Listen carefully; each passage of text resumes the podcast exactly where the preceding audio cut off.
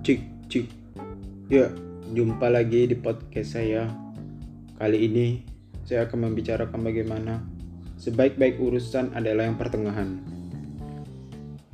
Biasanya di dalam proses saling terpengaruh dan mempengaruhi, manusia terbagi menjadi dua bagian. Pertama, orang yang berpengaruh karena spiritualisme, sikap dan perilaku yang luhur. Yang kedua, orang yang terpengaruh berdasarkan materialisme, sikap dan perilaku yang mampu mendatangkan nilai, keuntungan material yang sebesar-besarnya. Mungkin belum pernah terjadi di dalam sejarah persaingan yang begitu ketat dan keras di dalam meraih harta kekayaan seperti yang terjadi pada masa kita sekarang ini.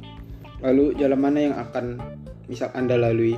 Namun sebelum menjawab pertanyaan ini ada satu hal yang perlu disinggung di sini, yaitu sesungguhnya dorongan atau insting suka mengumpulkan harta kekayaan merupakan fitrah manusia. Namun, nilai-nilai moral, akhlak, akidah, dan tradisi masih tetap mempunyai kedudukan tersendiri di dalam jiwa manusia. Kesucian dan kekeramatan nilai-nilai tersebut masih tetap terjaga. Manusia masih tetap menempatkan nilai-nilai luhur tersebut di atas nilai-nilai material.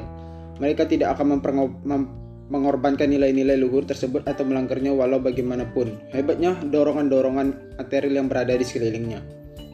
Sejak dahulu, Timur merupakan pusat turunnya agama-agama samawi dan sumber nilai-nilai akhlak dan moral yang luhur. Oleh karena itu, tak heran jika masyarakat Timur terkenal dengan keteguhan memegangnya nilai-nilai spiritual dan tidak terjebak pada rayuan-rayuan material duniawi. Kondisi tersebut terus berlangsung hingga datangnya peradaban barat menyerang kawasan timur, sebuah peradaban yang meletakkan nilai-nilai materialisme di atas segalanya. Telah menjadi sebuah kenyataan yang tidak dapat dipungkiri lagi bahwa faktor utama penyebab kesengsaraan manusia adalah sikap mendewakan harta kekayaan. Ya, merupakan sumber segala kesengsaraan dan malapetaka yang terjadi di dunia sekarang ini. Pribadi yang menarik mempunyai pengaruh dan memiliki pemikiran yang acceptable. Memahami bahwa memilih salah satu di antara dua jalan di atas merupakan sikap yang sangat keliru. Karena hal itu tidak bisa akan mampu membawa kepada tujuan hidup yang hakiki. Ia memahami bahwa memilih, jal memilih jalan tengah adalah salah satu satunya jalan yang mampu membawa kesuksesan hakiki di dalam hidup ini. Kemiskinan hanya akan menyebabkan kebodohan dan kehinaan diri. Namun, harta kekayaan juga tidak akan mampu membebaskan seseorang dari belenggu, kecemasan, dan kekhawatiran. Memilih jalan tengah di antara dua jalan tersebut akan memberikan kesempatan kepada seseorang untuk menjadi pribadi yang kuat dan matang. Begitu juga memilih jalan tengah akan mampu menjadikan seseorang benar-benar menikmati arti nikmat yang dia peroleh. Ia juga akan gemar ikut aktif dalam kegiatan-kegiatan sosial kemanusiaan selama ia mampu melakukannya. Jika kita perhatikan, orang-orang yang terlahir dari keluarga kaya rata-rata tidak terbiasa untuk bekerja keras, mencurahkan seluruh tenaga dan usaha seharusnya mereka lakukan agar menjadi pribadi yang tangguh dan berpengaruh karena akhlak dan perilakunya. Ya, tentunya masih ada orang yang seperti itu. Akan tetapi, mereka rata-rata mengalami kesulitan di dalam proses pembentukan kepribadian dan proses kematangan emosi. Jika proses pertumbuhan otak membutuhkan latihan, gerakan-gerakan dan usaha keras, begitu juga halnya dengan proses pertumbuhan dan kematangan kepribadian. Ia membutuhkan usaha keras terbiasa menghadapi berbagai kesulitan dan terbiasa memikul beban serta tanggung jawab.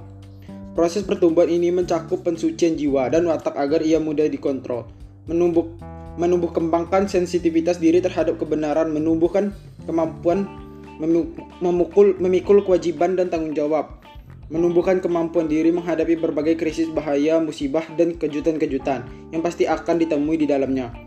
Kehidupan ini sebaik baik urusan adalah yang tengah-tengah. Setiap orang tua harus selalu ber setiap orang tua harus selalu berusaha untuk meraih kesuksesan di dalam kehidupan praktis dengan tetap berlandaskan nilai-nilai kemanusiaan, kemanusiaan yang luhur. Percayalah, saudaraku bahwa ukuran keberhasilan hakiki seseorang bukan terletak pada kekayaan yang telah ia peroleh, gaji yang tinggi, tabungan di bank, atau tanah yang luas. Karena biasa jadi ke karena bisa jadi kekayaan tersebut ia peroleh dengan cara mengendalikan harga diri, moral, dan kehormatan diri. Balik lagi, tapi semua itu karena uang. Akan tetapi, ukuran keberhasilan hakiki seseorang terletak pada seberapa jauh ia memanfaatkan dan mengembangkan keahlian serta kemampuan dimilikinya. Seberapa jauh seseorang mem memanfaatkan kesuksesan terletak pada seberapa jauh ia mampu mengeksploitasi keahlian dan kemampuan yang ia miliki. dan seberapa jauh ia mampu memanfaatkan kesempatan-kesempatan yang ada. Juga terletak pada seberapa jauh kemampuannya menyingkirkan ke berbagai macam batu sandungan yang merintangi jalannya. Hal ini dikarenakan mereka mengarahkan seluruh waktu, tenaga, dan pikiran hanya untuk memenuhi satu sisi saja, yaitu sisi material dan penumpukan kekayaan. Mereka mengabaikan sisi-sisi lainnya yang warat utama seperti spiritual, spiritualitas, komitmen terhadap nilai-nilai agama, adat dan kebiasaan yang dilakukan eh yang dilakui keberadaan yang telah diakui keberadaannya. Mereka seperti halnya dinamo yang terdiri dari kumparan-kumparan kabel kecil yang saling tersambung. Namun kekuatan listrik yang dihasilkannya hanya cukup untuk menghidupkan satu lampu saja yaitu lampu menurut penglihatan orang lain yang bersinar. Tapi pada realitasnya, orang-orang yang tidak mengindahkan lagi nilai-nilai luhur dalam proses mencari dan mengumpulkan kekayaan akan selalu merasakan pahitnya jauh dari ketenangan dan kebahagiaan hakiki yang tidak bisa dibeli dengan harta.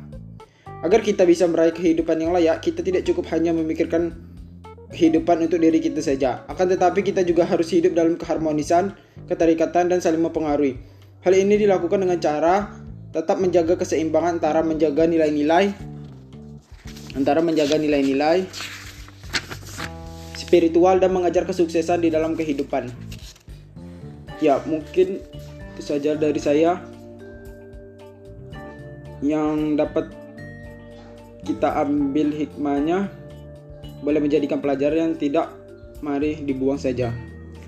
Mungkin itu saja podcast dari saya. Maaf saya jarang upload dikarenakan berbagai macam something yang tidak bisa diceritakan. Sekian podcast dari saya.